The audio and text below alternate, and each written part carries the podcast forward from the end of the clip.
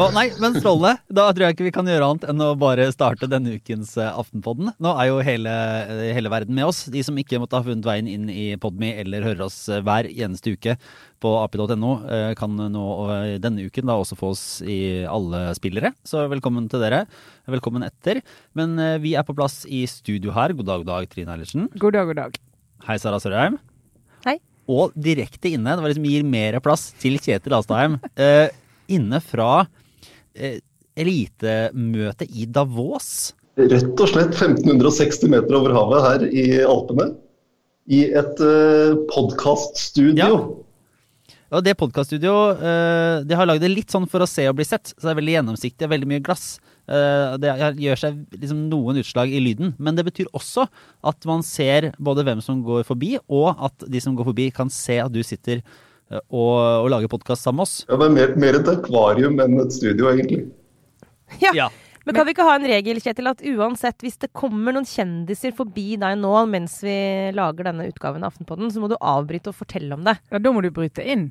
Ja. Altså. Før de spilte inn nå, så kom Johan og Andresen forbi her og tok bilde av eh, Aftenpoddens eh, studio. Og så var, det- var det tidligere dansk statsminister Helle Thorning-Smith som passerte og forsynte seg fra vannkaraffelen som står rett utenfor studioet her. Altså, Oi, det Dette kaller jeg unik info. Men eh, bare eh, før vi må litt inn i denne lukka verden, da, eh, som eh, konspirasjonsteoretikere eh, over det ganske land kan, eh, kan meske seg med seinere, kan ikke du bare gi oss en sånn kjapp liten gjennomgang? Hva, hva er det her for noe? Fordi jeg, jeg er Altså Trine, du har, jeg vet ikke om du har vært der, jeg men har du er ikke vært i. Davos. Hva? Nei, jeg måtte faktisk rette Pål Steigan en gang. Han påsto i et kommentarfelt at jeg hadde vært i Davos, og så skrev jeg det har jeg ikke vært. Jeg har vært på Bilderberg, men jeg har ikke vært i Davos, eh, dessverre, som jeg skrev. Eh, og da beklaget han det. Jeg må bare høre litt her, for at en av de som er der, eh, er jo altså Jens Stoltenberg, er det ikke det? Han er, Ja, han var, var her i går. Var i Hadde råtak på dagen fra Brussel. Sara lurer på om han er litt eh, blankere i pelsen nå? Ja, jeg vil si at han så bedre ut enn da han tok imot de søknadene. Men det er jo, det er jo altså det er, Han har jo et helt hist... Altså, han fikk jo ikke den jobben eh, fikk jo ikke tatt den jobben i sentralbanken. Altså, han har jo ikke gleden av å sette opp rentene for det norske folk. Men han kan jo da lede Sverige og Finland inn i Nato, som vil være en helt historisk eh, ting. Betyr noe, det òg. Ja. Det er greit å ha på CV-en. Ja. Men lurt på, for det er bare når du møter Altså er det sånn Jens Stoltenberg eh, Vi klarer ikke å komme videre. Nei, nei, vi kommer ikke. Vi må bare Nei, fordi Det var dette vi skulle snakke litt kort om, var det ikke det? Jo, det var det. Men er det, men, nei, for er det sånn at når, Han er jo en av de liksom største stjernene der, men når han hjemme i Norge, så er han jo på en måte fortsatt liksom tidligere statsminister. Men, eh, men du, for eksempel, da, som politisk redaktør i Aftenposten, har jo en posisjon som gjør at du har jo snakka med han i, i 25 år. Eh, og hvis dere møter hverandre sånn på gata, så antar jeg at du sier hei og han hilser og sånn. Han vet hvem du er. Men i, i Davos, nå er han liksom Nato-sjef ute i sitt liksom uh, Ute i verden. Uh, Jeg husker han, er, liksom, husker er, er det en annen?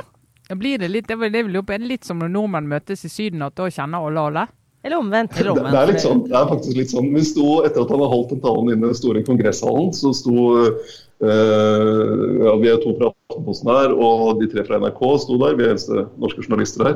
Sto utenfor i, i liksom lobbyen utenfor den hallen. og Så kommer Stoltenberg ut da, med hele antorasjen sin og sikkerhetsfolk og sånne ting. Og så er det en, en statsminister fra et eller annet lite Nato-land som prøver å få noen ord med ham. Og så bare skjærer Stoltenberg ut og hilser på Oi, oi, det var hyggelig, og norske journalister og sånn. Så det, jo da, det er nordmenn i utlandet.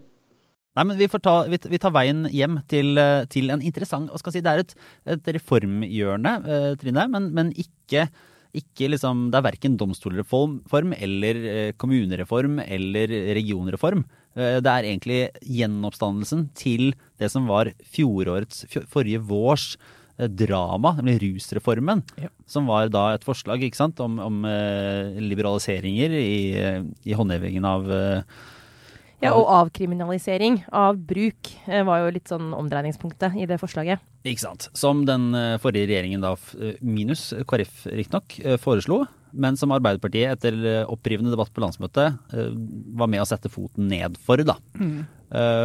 og nå har jo da man likevel sett at faktisk, altså Høyesterett og egentlig Riksadvokaten har på en måte kommet inn liksom på sida av den politiske prosessen, tolka signalene og kommet med nå både et par dommer og en sånn instruks fra, fra Riksadvokaten på at nå skal man egentlig ikke fra politiet straffeforfølge eh, rusmisbrukere for besittelse av narkotika. Det er, det er, flere detaljer, men det er liksom grunntanken. Ja, av, av, av narkotika i betydningen av det som sannsynlig er til eget bruk, da. Ja, så det er vel en grense på fem gram, da. Og jeg er ikke sånn helt bevandra i Men den har gått opp, den grensa. Men husk at det var ett gram, ja, altså. Men det trenger ikke å gå så langt inn i det. Men... Nei, det, nei det, det, det, er, det, er, litt uvisst. Men uh, det interessante, da du kan jo, Hvorfor er dette her interessant i et reformøyemed, Trine?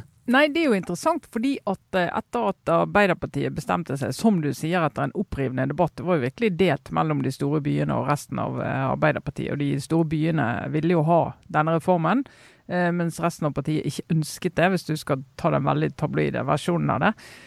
Så var det jo en del som tenkte at ok, der datt den reformen sammen. Kan ha blitt tatt opp igjen. Og det var jo også løftet, da. Vi skal ta det opp igjen, men vi skal lage det på vår måte. Men det har jo ikke kommet ennå.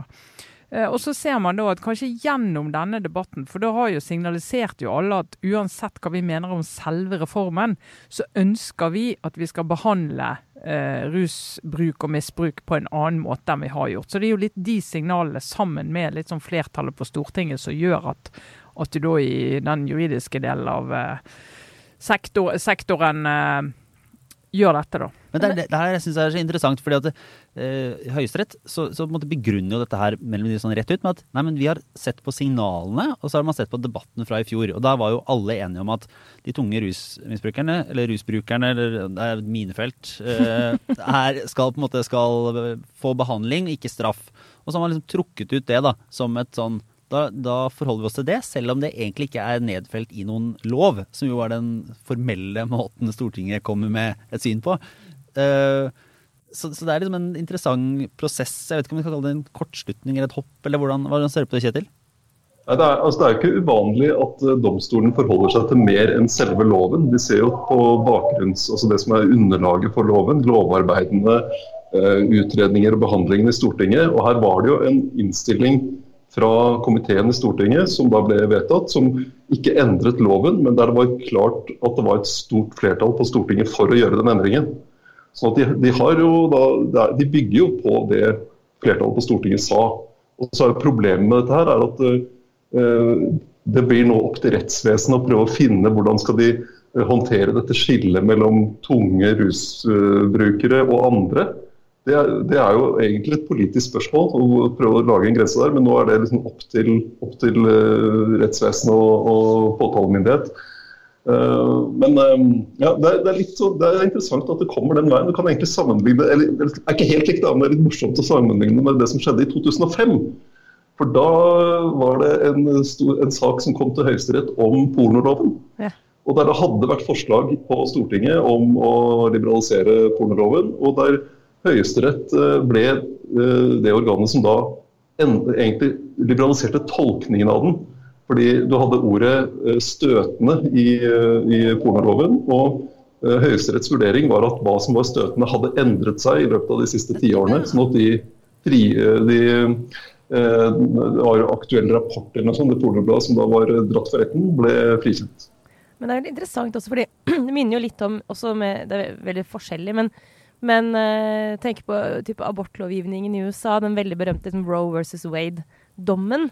Hvor du ser at det er, liksom, det er, domstolen som regulerer det som kanskje ideelt sett burde vært en lov, da. Men hvor du heller får en presedens i domstolene som blir utgangspunktet for hvordan man som samfunn håndterer en problemstilling, eller i den sammenhengen da, når, altså når man skal få lov til å ta abort. Men, men, jeg vet ikke om det er helt sånn juridisk en parallell, men i hvert fall sånn hvordan måte, domstolene fungerer som en statsmakt, da, og har sin, sin rolle å spille i den balansen der. Men ganske uvanlig norsk sammenheng. I hvert fall på saker som er så petente. Eh, fordi de kan jo mistenkes nå, selv om jeg er sikker på at det vil dommerne i Høyesterett virkelig betakke seg for. Men de kan i hvert fall oppleves som at de på en måte blir aktør da, i en veldig opphetet politisk debatt. Eh, fordi dette splitter jo Trine var inne på det. Dette her er jo en, en betent sak, eh, særlig i Arbeiderpartiet, men også i norsk politikk. Eh, og den er ubehandla også, uttalt ubehandlet, på en måte. Vi har blitt fortalt det her skal vi komme tilbake til. Så sånn sett er det sånn uvanlig at domstolen inntar den rollen, men det er kanskje bare en helt naturlig konsekvens av bare saker de har på bordet. Men eh, ja. Ja, så er det i hvert fall interessant om det. Jeg hørte Arbeiderpartiet var vel i, i Politisk kvarter og, og var jo på en måte litt sånn ja, nei, nå har jo Høyesterett vist at det går an å tra opp noen av de skillene som vi synes var, altså, som Høyre sa var vanskelig i fjor. Og, eh, og på en måte har de hjulpet, kanskje har de hjulpet oss å finne litt sånn sammen. Og så bare lurer jeg på sånn prinsipielt om det er Høyesteretts oppgave å hjelpe politikerne å finne sammen. på. Altså, det, det var en Er det ikke liksom politikerne som selv må finne ut hva de liksom blir enige? Ja, ja og nei. Eh, men det er jo det som Høyesterett gjør, og det som, eh, som eh, rettsvesenet gjør, er at de tar jo de konkrete eksemplene. Sant? Og så går de inn og ser Hvis du har dette eksempelet her, hvor skal grensen gå? Og det blir jo faktisk lettere for politikerne å diskutere det når de har det, enn å sitte sånn eh, og se for seg ting og liksom prinsipielt. Altså, for det er jo en hverdag der ute eh, som eh, rettsvesenet forholder seg til hele dagen og bygger presedens på. Og liksom ser over tid hva er rimelig, hvor skal vi legge oss, og fortolke da de lovene som, de lovene som eh, Stortinget vedtar. For de er jo på noen områder er de veldig detaljerte, men på andre områder er det jo nettopp det eh, rommet for tolkning som de skal håndtere inne i rettsvesenet. Og på den måten si, hjelpe politikerne med å konkretisere hva betyr dette i hverdagen. da. Også fin illustrasjon på nettopp det at eh, vi som er lekfolk, tenker ofte at juss er matte. sant?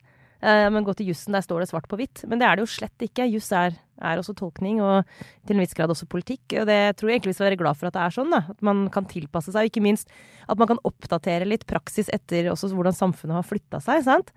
Eh, og, et annet poeng her er jo også at en, eh, en av grunnene til at mange i storbyene eh, var veldig tilhenger av denne rusreformen, er jo at det er liksom helt umulig i praksis å skulle arrestere og straffeforfølge alle som blir tatt med brukerdoser. sant? Og, og, også et helt feil fokus. Hvis du først skal gjøre noe med problemene, så er det ikke der du løser det. Så i, i praksis det vært, er det ganske vanskelig å gjennomføre den tanken som ruspolitikken er tufta på, som er at det å bruke narkotika skal være ulovlig. Det spiller vel også litt inn i sånn Det må jo også være en, en måte å håndtere dette på som faktisk er gjennomførbart for eh, for politiet, rett og slett. Mm. Ja, man har jo sett politiet. De har jo i veldig liten grad, i hvert fall i storbyene, eh, drevet liksom konkret håndheving av sånn type Altså hvis det er sånn gatebruker som har en eh, dose i lomma fordi at den åpenbart si, lever på heroin, mm. så er jo ikke det noen som har blitt slengt på cella i noe særlig grad i, i, i Oslo på noe vis. Men har jo, man har jo sett i, i forbindelse med liksom det som egentlig viser seg å være et sånn stort kollektivt overgrep, nærmest, i, i håndhevelsen av, av liksom ransakelser. Mm. Uh, ytterligere liksom hva politiet har drevet med i, i liksom prosessene med å, å jakte narkotikaforbrytere, da. I, ja, det er det, det store. beste. Som har vært et, som er, er en uh, Ja, det, det, har vært et veldig stort problem. Mm. Kjetil? Ja, og hvis du, hvis du du kan jo snu det litt. da. Altså, hvis eh, Høyesterett nå skulle bare fortsatt å dømme eh, den type brukere til fengselsstraff, selv om du hadde, har et flertall på Stortinget som har uttrykt i en innstilling at de ikke ønsker at de skal, de skal straffes, så ville jo, ville, ville jo, det vært feil. Det er en lovgivende forsamling som har gitt uttrykk for det i et dokument som er behandlet i Stortinget. Og Det er noe helt annet enn Roe versus Wade, som er der du har en uh, høyesterett som det er en helt annen juridisk tradisjon, og der de prøvde å tolke et gammelt grunnlovstillegg. Mm. Og, prøve, og der Senatet og Kongressen hadde jo ikke gitt uttrykk for at de ønsket noe i en eller annen retning om uh, abortlov. Så det blir, det blir, en helt annen situasjon. sånn som, Jeg er jo ikke jurist, men uh, det blir veldig forskjellig. Altså. Ja. Så eh, bare, altså er det jo et interessant spor da, som, som sies nå. Nå har jo domstolen egentlig gått god for en det som hevdes å være en mer liberal tolkning enn det politikerne så ut til å få flertall for i rusreformen i fjor. Men man har da ennå ikke, det er ikke opp til Høyesterett å legge til rette for liksom det hjelpeapparatet og den helseoppfølginga som var snakk om å faktisk vri dette over mot. da, For det var jo hele, hele tankegangen, var at de liksom skulle gå fra straff til behandling. Mm. Uh, og Foreløpig så har man da eh, ligger det an til at man tar bort straffen, og så sitter man egentlig med akkurat samme behandlinga som tidligere. Og Det blir jo en politisk utfordring nå for partiene å faktisk bli enige om hvordan det skal gjøres, og ikke minst finne ressursene for å få det til. da. Men enn så lenge, så bare for å, det skal sies da, var at det beste argumentet for denne reformen er jo kanskje at før man får gjort noe med eh, med dette her, så vil det fortsatt være på en måte, hjemmel for å kunne behandle narkomane på en nesten, altså nesten inhuman måte. sant? Med metoden, dette, dette er mine ord, selvfølgelig. Åpenbart kanskje hva jeg mener om det. Men, men med en metodikk som jo, hvor folk som er i en allerede vanskelig situasjon, eh, blir satt i en mye verre situasjon fordi de blir behandla som kriminelle. Og det er jo på en måte eh, Det er uløst. Den problematikken er uløst før man får en ny reform.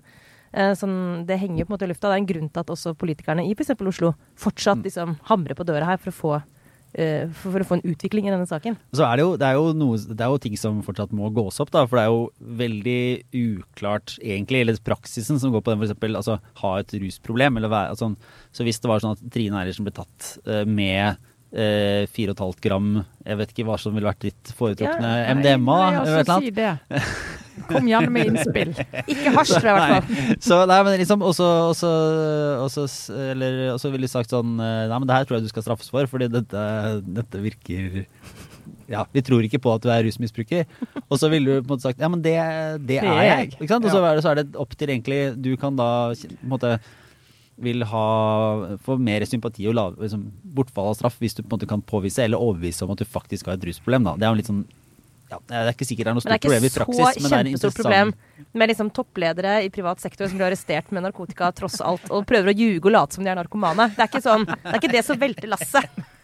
Nei, men nei, ja, la nå ja, det, det får vi se på, da. Plutselig så Men er, er da den Exit-gjengen er de da tunge brukere som skal slippe straff, eller er de sånn Ja, det var jo fritidsbrukere? Ja, debatten. et par de er jo åpenbart det. Ja. Ja, De er jo åpenbart det. Så. Men, men da må de jo gå til behandling og forplikte seg til noe i den forbindelse, da. Men jeg tror vi går videre til en sak eh, som vi var, vi var litt kort innom eh, for et par uker siden. Eh, Kanskje så kort at det var, vi fikk tilbakemeldinger eh, fra, fra, lytt, fra i hvert fall en lytter. Og, og siden den lytteren har på det navnet sitt på en sånn stor, eh, tung rapport om norsk eh, offentlig forvaltnings eh, på en måte tilkortkommenheter, eh, så var det i hvert fall det, var liksom, det lå en tyngde da, Ja. eh, som, som gjør at vi kanskje må innom det temaet her en gang til. Vi eh, elsker lytterreaksjoner, men det er klart du retter deg i ryggen når Alexandra Beck Gjørv sender refs eh, på e-post. Så det gjorde hun da. Lederen for Sintef hun jo i dag. En svær, svær forskningsinstitusjon i Trondheim. Hun mente vi tok eh, vel lett på det eh, forrige gang, eh, denne saken, og kanskje ble litt forført av Ola Borten Moes handlekraft.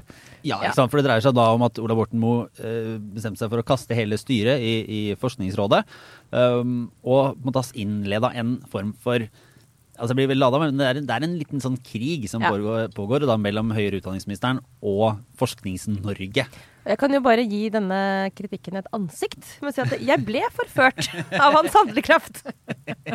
Det var noe Da, da kan jeg si at vi ble så forført at vi til og med ga ham ansvaret for det nok Alexandra Becker er mest opprørt over, nemlig det at regjeringen vil utsette Ocean Space Center i Trondheim, som jo da ikke er Ola Borten Moes ansvar, men fiskeri- og havminister Bjørnar. Skjærans ansvar. Og det, det er også et senter der de som jobber på dagens eh, prosjekt, de har faktisk pakket ned kontorene sine og båret ut tingene sine i esker. litt sånn Lehman Fordi de skal få nytt. Oh, ja, ja, ja, litt. Lehman Brothers? Eller at Ja, de liksom har limt Nei, fast de har ikke fått sine på sparken, de har ikke fått sparken, men de Nei. skal jo da inn i et nytt senter. Og, det, altså det, det, det, og så plutselig så Nei, det har vi stoppet. Så det, det har vært en litt rå prosess der som jeg tror mange er overrasket over. Så det har nå gått unna, i hvert Ja. fall, må vi si. Ok, men det er Bjørnar Og det er jo veldig rart med tanke på ja, og det er jo veldig rart med tanke altså Husk Jonas Gahr Støre og havrommet. Dette, Det er disse som skal forske, så vi klarer å bruke havrommet riktig. Ja, men, men for, for å se på saken i hvert fall. Altså, Forsknings-Norge er jo nå svært bekymra for at, på at måte, det de har sett for seg av finansiering i åra framover, kommer til å bli begrensa og strupa. Akkurat hvorvidt det måtte, det, det om sånn, Hvor hard den landinga blir, den, det er jo litt, litt åpent, egentlig. Men, men eh, det går jo inn i hele liksom, kjernen i problematikken her, er jo at en del av liksom, norsk forskning og all forskning er jo et langsiktig arbeid. eh, Som, eh, som trenger finansiering over flere år, gjerne. Det er relativt få prosjekter som er sånn oppe og går bank. Her er det på stell eh, i løpet av året, eh, vær så god resultatene, og så fortsetter neste. Sånn at eh, Passer ganske dårlig med sånn statsbudsjett en gang i året-metodikk, da. Forskning. Ikke sant? At du, at du skal finansiere det en gang i året, det, ikke helt, det går ikke helt opp med liksom, langsomheten i det arbeidet. Du må tenke liksom 5-10, kanskje 20 år eh, på mange av de svære løpene. Kanskje 30. Så det, allerede der er det jo en liten utfordring rundt hvordan politikere skal gå frem når de skal bevilge penger til forskning, som jo dette her handler om. Som jo er kjernen i det hele. Det er jo hvordan Forskningsrådet har forvalta de ressursene, pengene de har fått fra staten. Og der er vi inne i det, og det er interessant når man går inn i detaljene Ja, der. og ikke minst altså grunnen til at vi snakka mye om Ola Borten Moe sist, eh, og til at det her til slutt er en politisk eh, strid, kan vi også komme litt mer tilbake til, men det er jo at det er Altså, det er åpenbart vurderinger på hvordan ting skal prioriteres. Eh, Forskning er jo en, på en måte et gode, eller hva skal man si. Det, er, det, er mye, det finnes mer god det fast. Ja, det er finnes mer god forskning enn det er penger til. Det er jo et uh, grunnleggende problem. Og dermed så er liksom prioriteringene innafor det er, er ikke rett fram. Uh, og så har det jo da vært, også fra forrige regjering, noen signaler om at man faktisk ja, vil bare kutte litt i noen av disse eh, liksom pengene til Forskningsrådet. Uh, men vi vil at dere skal gjøre akkurat det samme. Bare legge planer for at prosjektene skal fortsette de neste årene, selv om ikke pengene er satt av. For det har jo vært eh, flere, det er åpenbart regjeringer som har blitt forstyrret av at de har disse avsetningene. At det på en måte ser ut som det hoper seg opp penger. Du ikke, Hvis du får alle pengene til et forskningsprosjekt, kan du ikke bare bruke alle de pengene i år og si at så venter vi til neste budsjettår, og så får vi en ny sum. Du må jo ha litt plan. Det er jo mennesker som jobber i dette. Eh, og så har eh, de stipendiater. Det er liksom to-tre års, fire-fem og vel så det, løp. Eh, så du må planlegge for, og det er jo det de har prøvd å gjøre, planlegge for at dere får disse pengene uten at pengene faktisk fins. Ja. Ja, og så blir det jo sånn, da. Det her er jo virkelig et ilandsproblem. Men det er klart at når man får bevilgninger til, for- bevilgninger til forskning, og så tar den forskningen litt tid, så blir de pengene stående på konto. Eh, så Forskningsrådet har jo hatt liksom tilgang til masse penger. Uh, og så har de da har de gjort det, altså det er det som er disse avsetningene som jeg snakk om. da. Og så, Lars, hvis jeg har skjønt det riktig, så har på en måte, når de fikk mindre penger på budsjettet, Forskningsrådet, Ja. så har de brukt penger på konto som egentlig skulle gått til noe annet. Er det sånn å forstå? Og så Ja. har de brukt dem nå. Flyttet mellom prosjekter. Ja, Ja, litt for de har tenkt at eh, mm. men de, det prosjektet her som disse pengene skulle gå til, som egentlig sikkert ikke er ferdig før om fem-seks år, de får vi sikkert mer penger til seinere. Altså, det har vært en eller annen forskuttering der av at de kommer til å få de samme midlene hele tiden, så de Altså, kan mm. bruke de de har. Jeg tror, Er ikke det litt av Jo, kjernen? altså, de har eh, Jo, også er, og så- er det jo altså Det handler jo om Stortingets budsjettreglement. altså Hvordan de, Stortinget bevilger penger og osv. Det noe av spørsmålet her er jo hvorfor har man kunne gitt en, Stortinget kunne gitt en, eh, en fullmakt til å disponere pengene på den måten. Og Noe av spørsmålet er hvorfor har Ola Borten Moe ikke ønsket å gi den, og hvordan er det han ønsker å, å sikre eh, langsiktig finansiering av forskning. Og kjendisalarm, en liten kjendisalarm da, Sara. Akkurat nå gikk eh, styreleder Gunn Wærsted i Telenor forbi. Interessant! Hun er kjendis i min bok. Hun er segmentkjendis, vel å merke. Ja. Men absolutt eh, for Aftenpoddens lyttere tror jeg Gunn Wærsted det. Jeg syns det var relevant avbrytelse. Ja, ja, det er helt Oppdraget er, er fullt. Takk. Nei, men, men altså, det, er, det er en del sånn teknikaliteter på hvordan penger skal flyttes. Men eh, det som kanskje, det som gjør igjen da, gjør at det er interessant, er at man kan jo se på, på måte, detaljer eller pengestyring, og her er det mye rart. Men, men uh, Ola Borten Moe har på en måte valgt å ta denne konflikten. Ja, altså han, Han han, tar jo et veldig hardt grep. ja, Sant? Det gjør han jo. Sånn at politisk, du ser politisk, så går han inn og han kaster hele styret. Og det, signalet i det er jo at styret er ubrukelig. Det er jo signalet ut. Det er vanskelig å tolke det annerledes, ja. Ja, Det er vanskelig å tolke det på en annen måte. Og så sier han må få inn et nytt styre. Det har han i sin fulle rett til å gjøre. Eh, og så går man inn og ser at eh, det er jo litt mer kompleks begrunnelsen for at styret har havnet der de har havnet, men de har jo ikke gjort det uten at noen har vært klar over det. Eh, og Derfor så er det litt sånn interessant å diskutere hvem er det Ola Borten Moe er i konflikt med. For Hvis du er i en politisk konflikt, så må det jo være fordi du kan vinne noe. Og det syns jeg er interessant. Og her er det ikke minst da eh, interessant at han velger å ta konflikten tilsynelatende med eh, Forskningsrådet og Forsknings-Norge, om du vil. Fordi han egentlig kunne med, altså med rette, kan du si, men det er et helt sånn logisk resonnement å kritisere den forrige regjeringa for å ha- gitt Forskningsrådet mindre penger, men ha gitt dem en forventning om å levere akkurat det samme. Så her er det åpenbart et eller annet strategisk valg. Og Der kom jo Geir Pollestad, altså nå finanspolitisk eh, talsmentor for Senterpartiet, eh, ut i et innlegg i Klassekampen der han liksom dro på litt ekstra og sa at eh, universitetsrektorene har hatt eh, eh, forskningsministeren som en sånn veskehund altså det, i forrige regjering, mens nå, er, nå har de fått en vaktbikkje i Ola Borten Moe. Så det er liksom, Oi, da, er det det konfliktnivået de skal ha med norsk forskning? Ja, men, men, og det syns jeg er interessant, for de de da er i konflikt med, det er ikke sine politiske motstandere, men det er, hvis du skal virkelig være spiss, si at de prøver å legges ut med en elite. Hvis Vi var litt inne på det forrige gang, at det kommer ikke til å bli noe fakkeltog for å redde forskningsmidler i Norge. Det er ikke sånn det er. Det blir ikke noe bunadsgerilja som kommer for å redde forskningen i Norge. Eh, og det er noen som er lett å legges ut med, for du kan spille litt på sånn Her bare flyter pengene, blir ingenting av, ikke lønnsomt, blir ikke noe altså, Du kan liksom spille litt på at det tar lang tid, og at det er usikkert hva det ender i. Altså grunnforskning, Hele ideen med grunnforskning er jo at det kan bli noe du har bruk for. Det er ikke nødt til å bli det. Om ti år kan det vise seg at det du trodde ikke ble noe, ble noe likevel. Ref. koronavaksine, eh, som jo startet med noe som ikke var noe for mange tiår siden, og så plutselig så er det blitt eh, kjempeviktig. Så du kan ikke vite det. Men det går, da spiller du altså opp egentlig en sånn elitekamp eh, som jeg syns er interessant. og jeg tenker kan godt hende det er lønnsomt eh, velgermessig hos en del eh, velgere, men eh, jeg tenker sånn ja, strategisk og langsiktig for Norge. Jeg er ikke sikker på at det er sunt. Nei, så er det jo det er spennende å se om det kommer til å eh, om det kommer til å faktisk bli en uh, liten sånn en brems eller, eller, nedgang i finansieringen av forskning. da. Eh, fordi altså, Den borgerlige regjeringa la jo ganske mye vekt på, særlig retorikk og, og, på en måte i taler. Kanskje trodde Forskningsrådet litt mye på på en måte festtaleløftene i tanken om at dette ville bli finansiert inn i mer eller mindre evigheten. Men, men det er i hvert fall Eh, om det, om det, vil være et brudd med det fra den mm. nye Arbeiderparti-Senterparti-regjeringa, mm. så er det litt sånn Oi, ja. Det, det, det spiller litt sånn vet, Eller det, det, bryter litt med, med, det som vanligvis er eh, ønska oppfatning da, så, hos de fleste politikere. eller hva skal jeg si, sånn som Vi er på lag med forskningen. ikke sant? Det er litt sånn Vi er på lag med framtida, eller vi er på lag med mm. de som vil finne ut mer, vi er på lag med kunnskapen. Som å, å være en sånn Eh, nei til forskning. Vi er på lag med ukunne. Men, ja. det, men interessant her er jo hva altså Jeg syns jo Ola Borten Moe bør komme litt sånn Bør si litt mer om hva som er ønsket, altså hva er det han ønsker å oppnå. For det er klart at det, En ting vi har vanskeligheter med å se, er jo Er det sånn Det kan jo godt hende Jeg ser f.eks. at humaniora eh, det var jo et innlegg i Aftenposten i går eller i dag også, med mange som jobber innenfor humanioraforskning, som sier at vi ble ekstra hardt rammet fordi vår, vårt, våre områder er de som er vanskeligst å måle resultater på. Uh, men så kan man jo vri på det hvis man vil, da, og si at jo, men nettopp derfor er dere sikre på at vi skal ha så mye humanioreforskning. Fordi hva er egentlig resultatene? Uh, hva er det vi får igjen?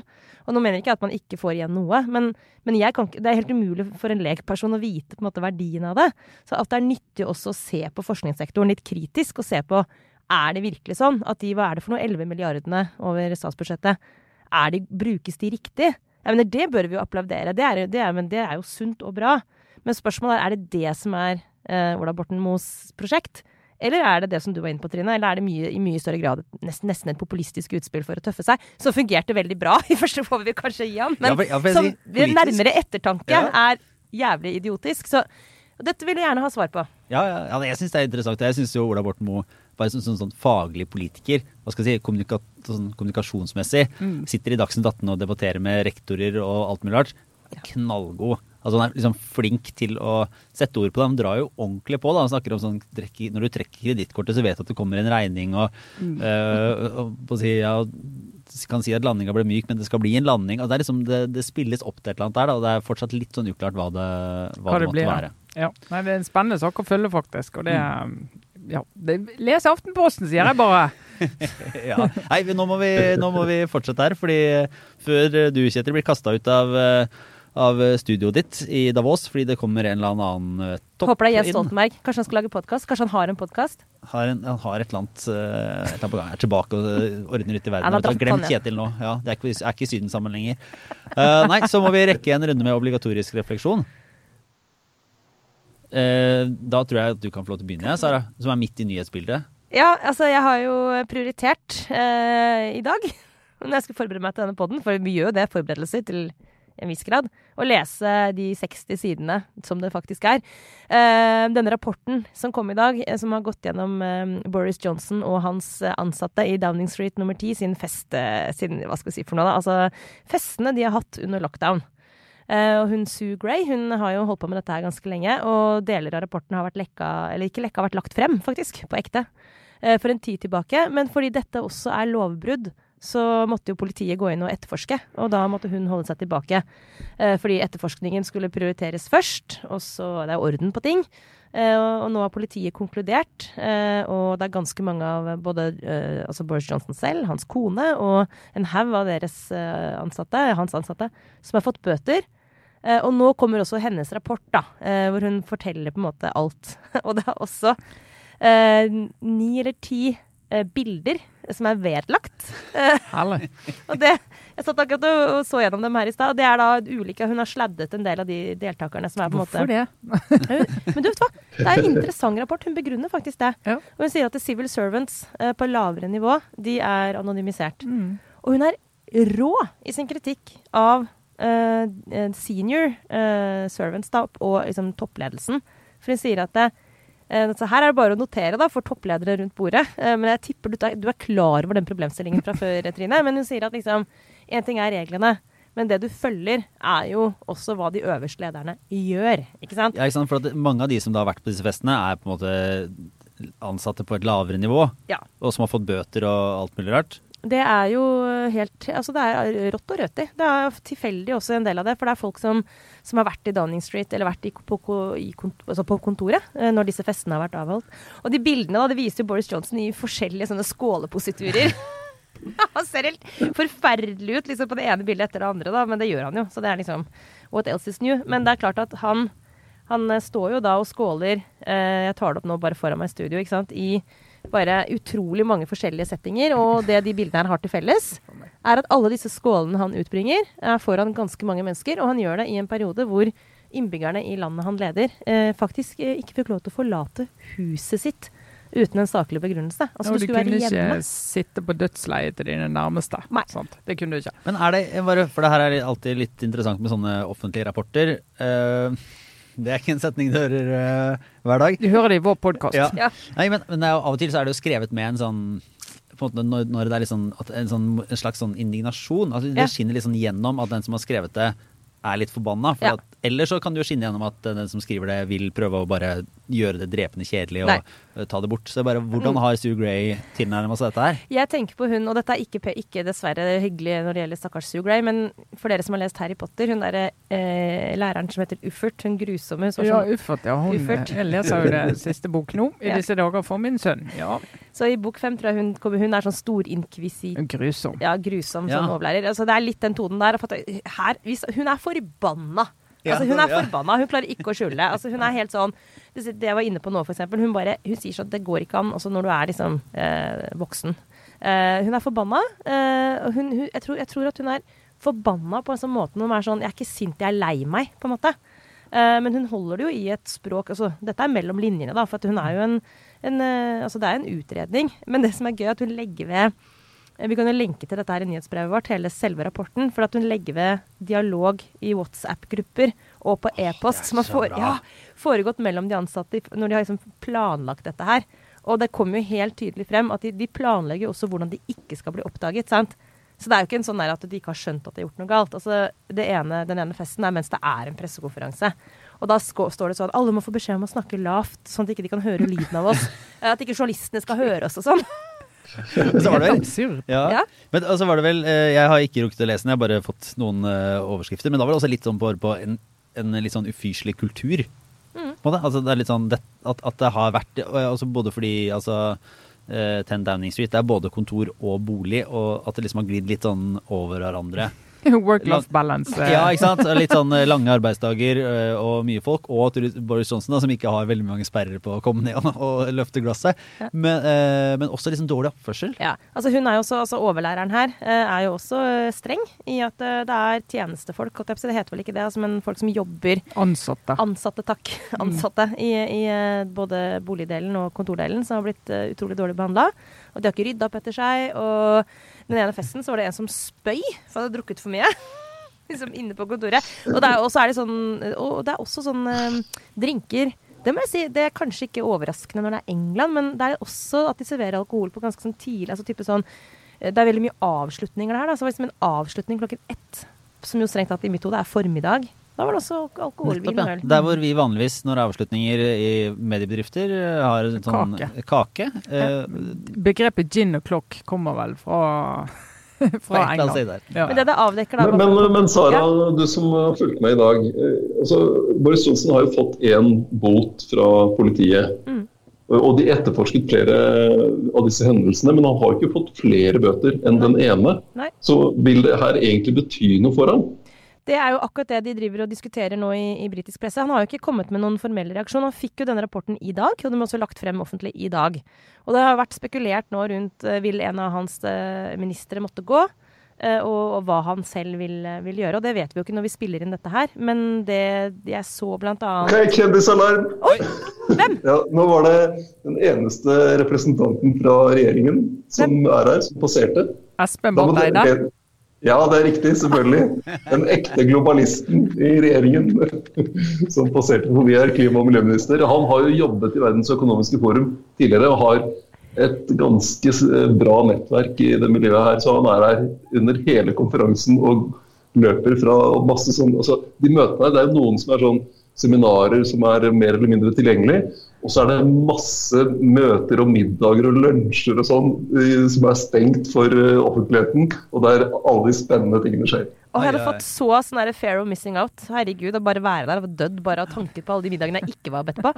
At Espen Barth Eide kom nå er helt sånn perfekt. Selvfølgelig gjorde han det. Han er jo mister uh, Davos. Men nei, det, det, spekuleres i, da. For å ta tilbake der vi var. Fra journalister som jeg vet at har gode kilder i regjeringsapparatet, er at han ikke kommer til å gjøre en dritt. det ville vært mitt, det ville vært min det ville vært mitt tips ja. hvis jeg måtte velge. Ja. Ja, og at han kommer til å beklage. And uh, move ahead! So move sorry, so sorry about that. Chums.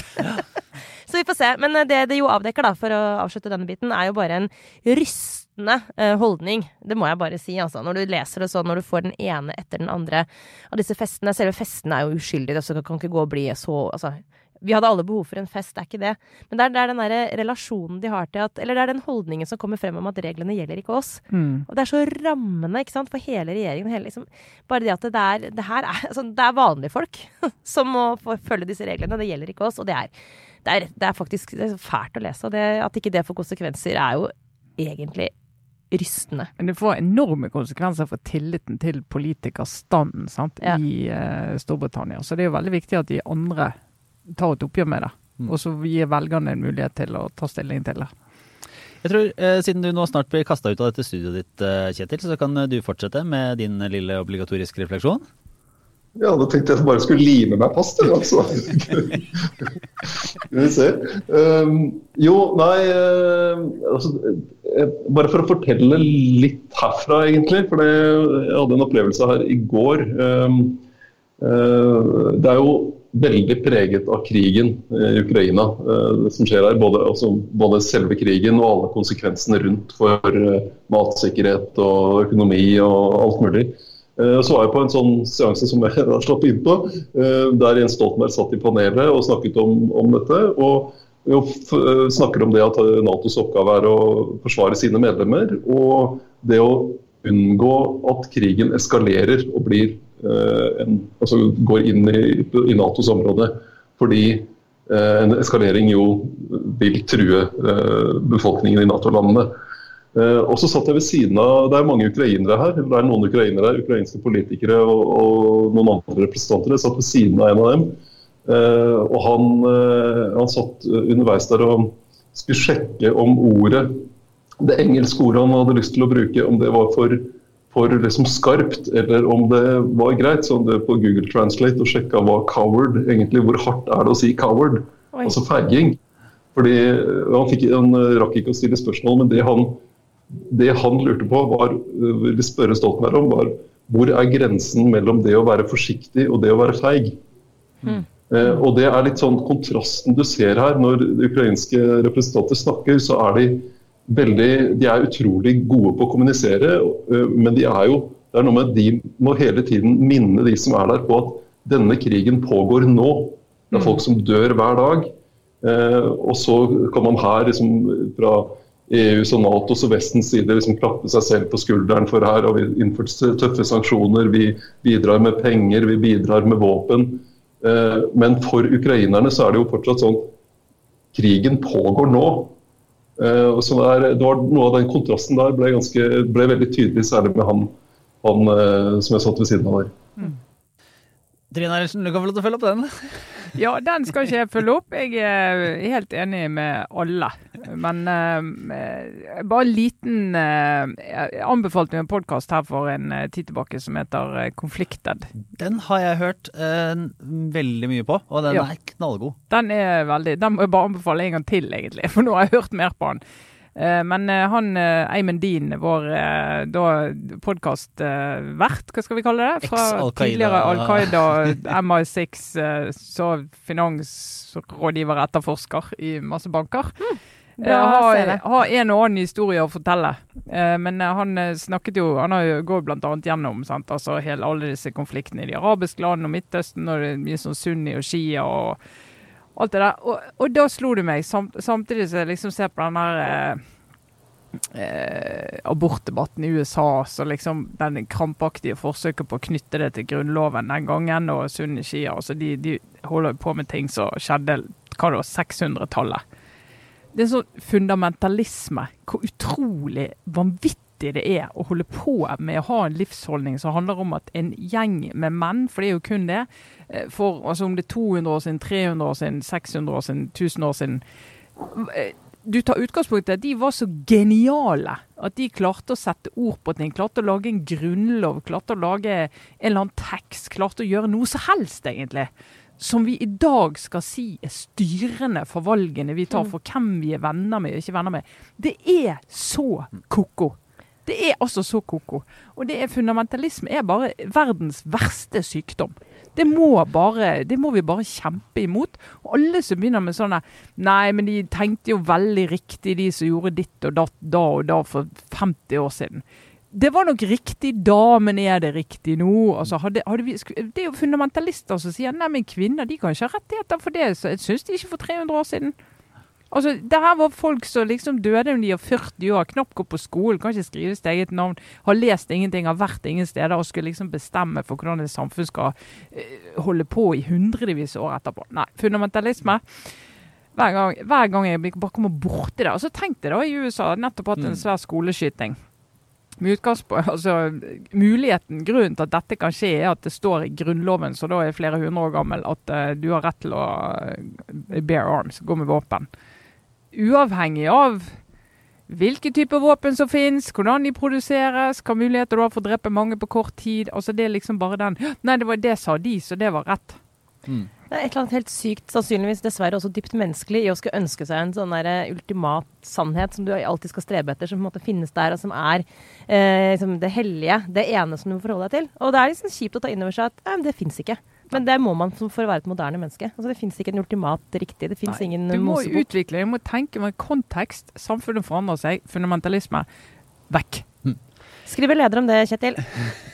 Aftenposten mener fundamentalisme er dumt. Ja. Ja, ikke dumt. Det er faktisk Nei. langt over grensen for dumt.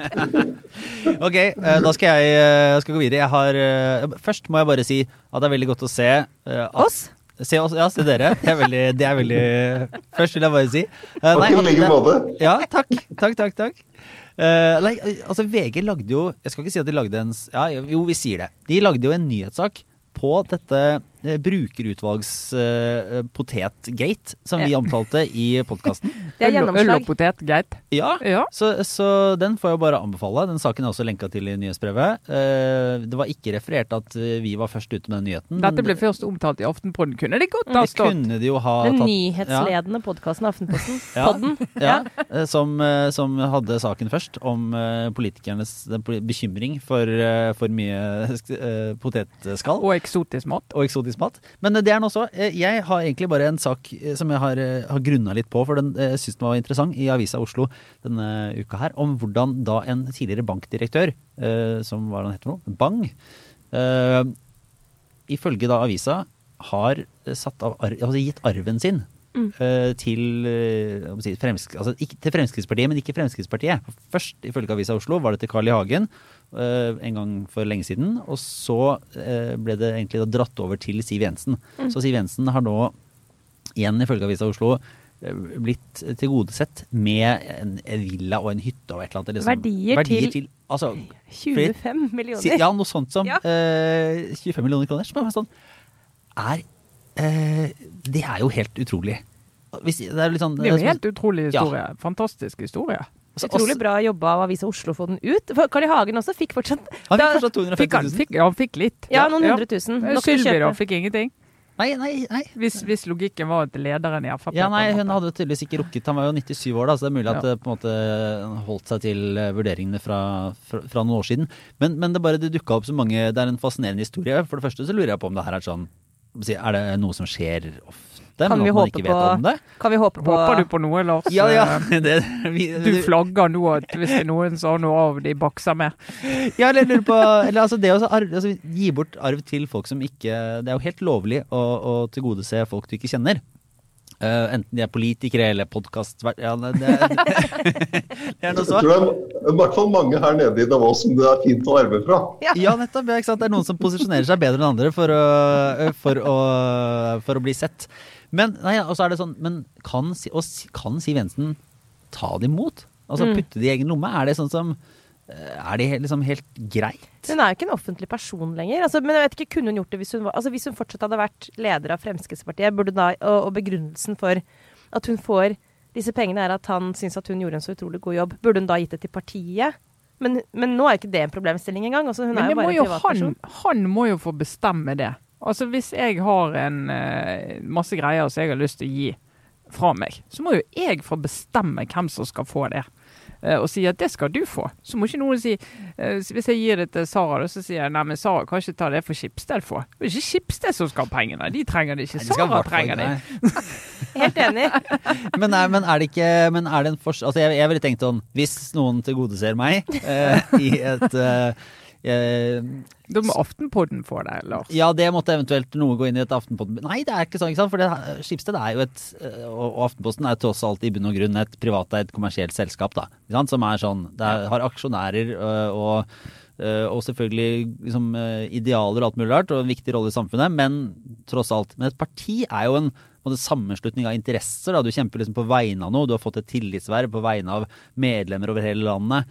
Du har jo ikke sånn Det er ikke helt individorientert likevel. Jeg argumenterer ikke for at hun skal gi bort de pengene, men det er litt mer komplisert, er det ikke det? Jeg tenker at, at um, Altså, se, se for deg Jeg ser jo bl.a. blant annet Dagsavisen har dratt opp et eller annet resonnement om at uh, dette får hun som belønning for at hun har jobbet for de rikeste uh, gjennom mange år. Altså underforstått at du går inn i politikken, eh, kanskje har en usagt avtale om at nå skal jeg jobbe for at du får mindre skatt, og så får jeg arv av deg senere. Litt søkt. altså Det er hele den finansiering, partifinansieringslogikken òg egentlig inn i det. sant? At Høyre går ut og sier at eh, eh, vi skal jobbe for at dere får lavere skatt. Kan dere være så snill å støtte valgkampen vår, så skal jeg sørge for at du får lavere skatt. Altså At de liksom går på en sånn individgreie og gir liksom tilbake. Eh, og det, Da må du nesten si at det kan vi ikke holde på med, men da kan du faktisk ikke holde på med partistøtte fra noen steder heller. Mm. For alle går jo inn og støtter et politisk prosjekt med penger, og du kan jo fint se for deg at et LO-medlem som er formuende Si Trond Moen, da. Eh, og han er kanskje ikke medlem i LO, men eh, han, eh, når han dør og har mange, mange, mange milliarder, så kan det jo godt hende at han gir en kjempesum til en person Eller til Tankesmien Agenda. innenfor, eh, innenfor arbeiderbevegelsen, eller hva det skulle være. Så får det, og så kan den personen liksom si hva skal jeg gjøre med disse pengene, skal jeg gi dem til et forbund, skal jeg gi det til sånn. Men han må jo ha lov til å gi de pengene til hvem han vil. Ja, men det er det jo ingen som er i tvil om. Man har jo lov til å gi pengene til hvem man vil. Nei, men det er litt jo så vanskelig hvor når det er liksom- en skipsreder som gir det til en Frp-eksleder, enn når det er en sånn filantrop som gir det til en, eh, en politiker på venstresiden. Jo. Nei, det er jeg helt uenig i. Jeg ser Ja, jeg, ikke at det er er en ikke- forskjell på det. Nei, men poenget er ikke, nei, det er ikke forskjell på det, men det blir ofte i offentligheten, eller i opinionen, så mener jeg sånn som Dagsavisen problematiserer lettere de pengene som Ja, åpenbart. f- ikke sant, som er i omløp på høyresiden enn på venstresiden. Og det er, Ja, det er jo ikke Det er i hvert fall ikke logisk.